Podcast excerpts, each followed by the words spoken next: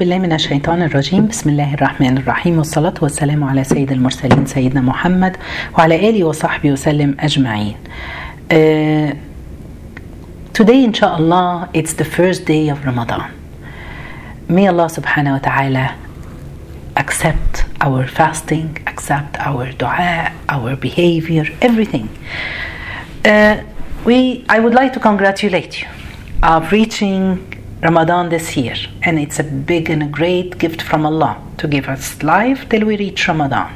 Alhamdulillah, subhanallah. Just a year just flew so fast, and now we're again back together for Ramadan. Inshallah, as usual, every Ramadan we have every day a lesson together. Today's lesson, or this year's lesson, under the title of The Call of the Most Merciful of Ar-Rahman. Allah subhanahu wa ta'ala. The calls of Ar-Rahman, Allah, to all of us. When Allah subhanahu wa ta'ala in the Quran, as we all know, this month is the month of the Quran. When the Quran was revealed on Allah, on the Prophet, peace be upon him. So the Quran, it has to take a very important part in our life. A lot of us, when we read the Quran, we don't understand it. We just read it to finish it during the months of Ramadan or during the year. I hope that we have been reading uh, the Quran all the time. So I thought that let's talk a little bit more about the Quran, about the verses, some verses in the Quran, so can understand it more and be more familiar to it. Um, Subhanallah, Allah Subhanahu wa Taala in the Quran when He wants to talk to you, mankind, He say, "Ya ayyuhalladhina amanu." Oh O you who have believed, or O, o you who every mankind. But when he wants to talk about specific people, he talked to them and he called them, O you who have believed. So this is gonna be this verse who came was O you who have believed. It came more than almost 90 times in the Quran. Allah is calling us. I believe that you and me we are from those believers that Allah subhanahu wa ta'ala is talking to us. Did Allah subhanahu wa ta'ala choose us to be believers? Yes. It's a gift from Allah subhanahu wa ta'ala. He chose us. It's not something that I can get it just by myself. It's a gift from Allah. Prophet Ibrahim, peace be upon him, he asked the guidance for his father, but Allah subhanahu wa ta'ala didn't give it to him. Prophet Nuh, he asked that his son be a believer, but Allah didn't, even when he asked Allah, Allah didn't give it to him. When the Prophet, peace be upon him, asked Allah subhanahu wa ta'ala for the guidance for his uncle, even his uncle, even though his uncle helped him with the da'wah for the Islam, but Allah didn't give him. But He gave it to me and to you and to whoever is hearing us now. He gave us the we became believers. So it is a great gift, a great provision from Allah, the faith and the believing. Alhamdulillah, we should thank Allah subhanahu wa ta'ala for this. When Allah subhanahu wa ta'ala is telling us that the people of the believers, when we make the dua and we ask Allah subhanahu wa ta'ala, our Lord, don't let our hearts deviate after have guided us and grant us from your mercy. Indeed, you are the Bestower. Subhanallah, guys. So here is a proof. After have guided us, Allah He had guided us and grant us from your mercy. We're asking Allah. So we have to know something. To be a believer, it doesn't mean that the word when i ask any one of us who can who's listening to me now are you a believer? the first answer yes of course i am a believer. Do you apply what allah subhanahu wa ta'ala has asked you to do? To be a believer there is another verse in the quran allah is talking to believers and he's saying oh you who be- have believed believe. Oh that's i have a question here question mark you're saying Allah that they are a believer, how come you're asking them to believe? Because to be a, a, true believer, it's not just a word you say it with your mouth. It's a word that you say it, and it's the meaning that you have it inside your heart, and it's the act showing this. Your action can change going high or going low. It depends on committing some sins or committing good deeds. So, Iman or believing, it's going up and down according to what you do. So, one time, what I want to say here, we have all to feel that this is a call from Allah. Oh, you, just imagine with me, Allah is choosing among us now. Oh, you, Fran, oh, you, Maria, oh, you, Ahmed, you, no, no, no, not you, the one beside you. So Allah is choosing one and leaving other people. And we always, when we hear the stories of the convert people or the people who revert to, to Islam, we always see that Allah subhanahu wa ta'ala, those there were special people, that Allah has chosen them among other people. They were not born Muslim, but Allah has chosen them. He chose them, subhanallah.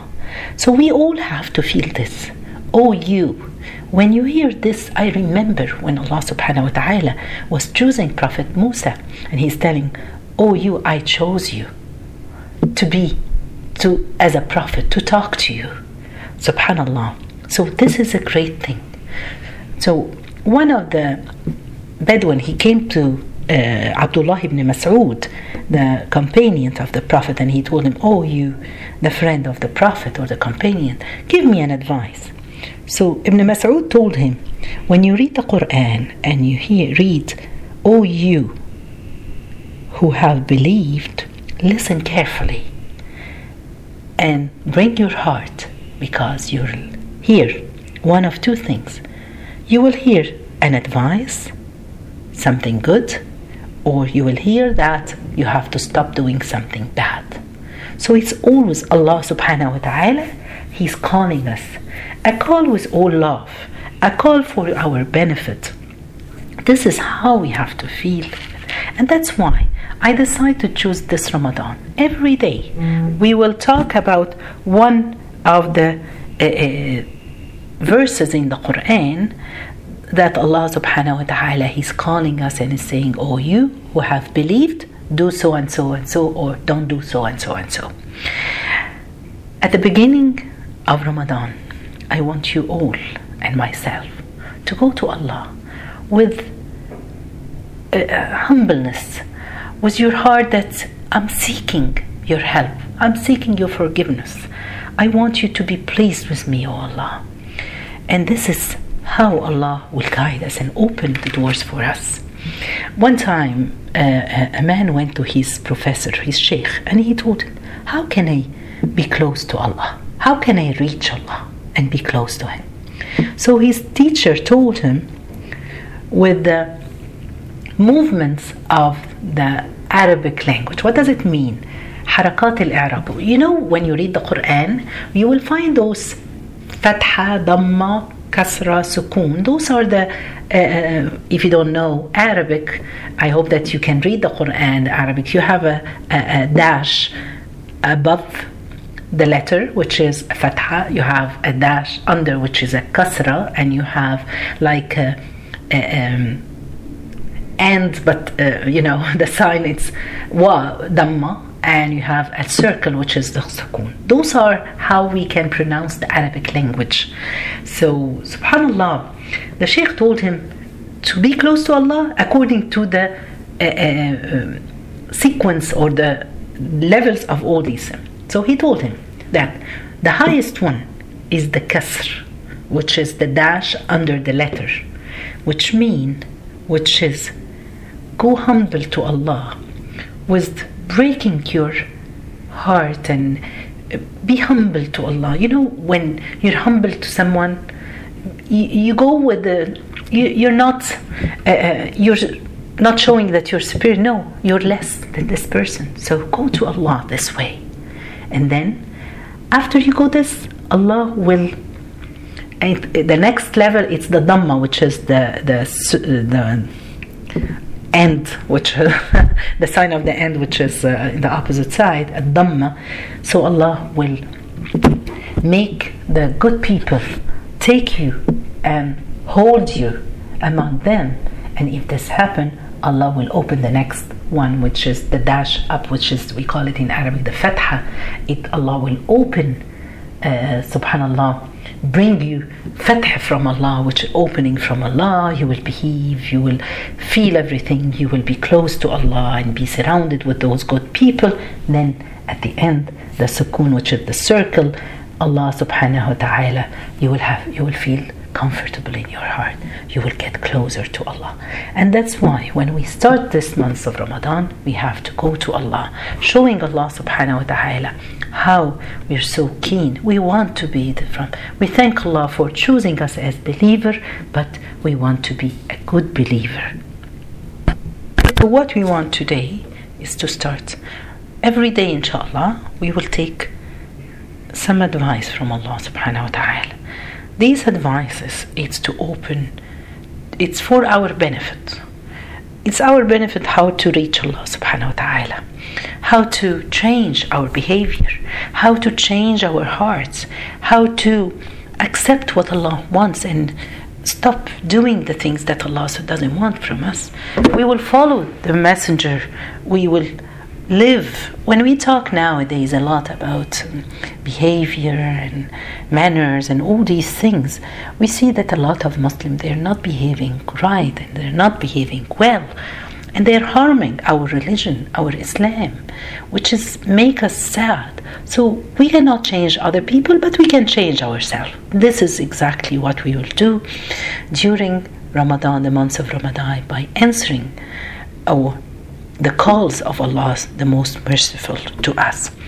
Before I start, I would just want you to think of this situation when Prophet Musa he saw a light light and he said I want to go and check. He was traveling with his wife and he said I can see light there. I will go and check. Maybe I'll get something or I'll find some people there. And when he went there uh, Allah subhanahu wa ta'ala called him and he asked him, Take off your shoes, you are in. Uh, uh, uh, and I have chosen you. So listen to what I'm going to tell you. Just remember this Allah has chosen us. So remember and listen to what Allah subhanahu wa ta'ala wants from us. And maybe Allah made us to listen to these lessons during the month of Ramadan, this is another special thing that Allah has chosen us. May Allah subhanahu wa ta'ala help us to do what He wants. May Allah subhanahu wa ta'ala open our hearts, our action. May Allah subhanahu wa ta'ala make all these things useful for us. So I will start today with the first call of Allah, the call of the mercy, the most merciful. What does Allah subhanahu wa ta'ala? He's saying in the Quran, He's saying, O you who have believed, respond to Allah and to the Messenger when He calls you to that which gives you life. Subhanallah. Allah here is telling us that we have to respond to Allah and His Messenger, to whatever He gives us to the calls that they're asking us to give us life. We want to live in this life and under the shade of Allah, under the guidance of Allah, un- practicing what Allah Prophet, peace be upon him, he was telling us. Not in how he looked, that's the sunnah of the Prophet, no, in how he acted, how he lived, how he treated other people.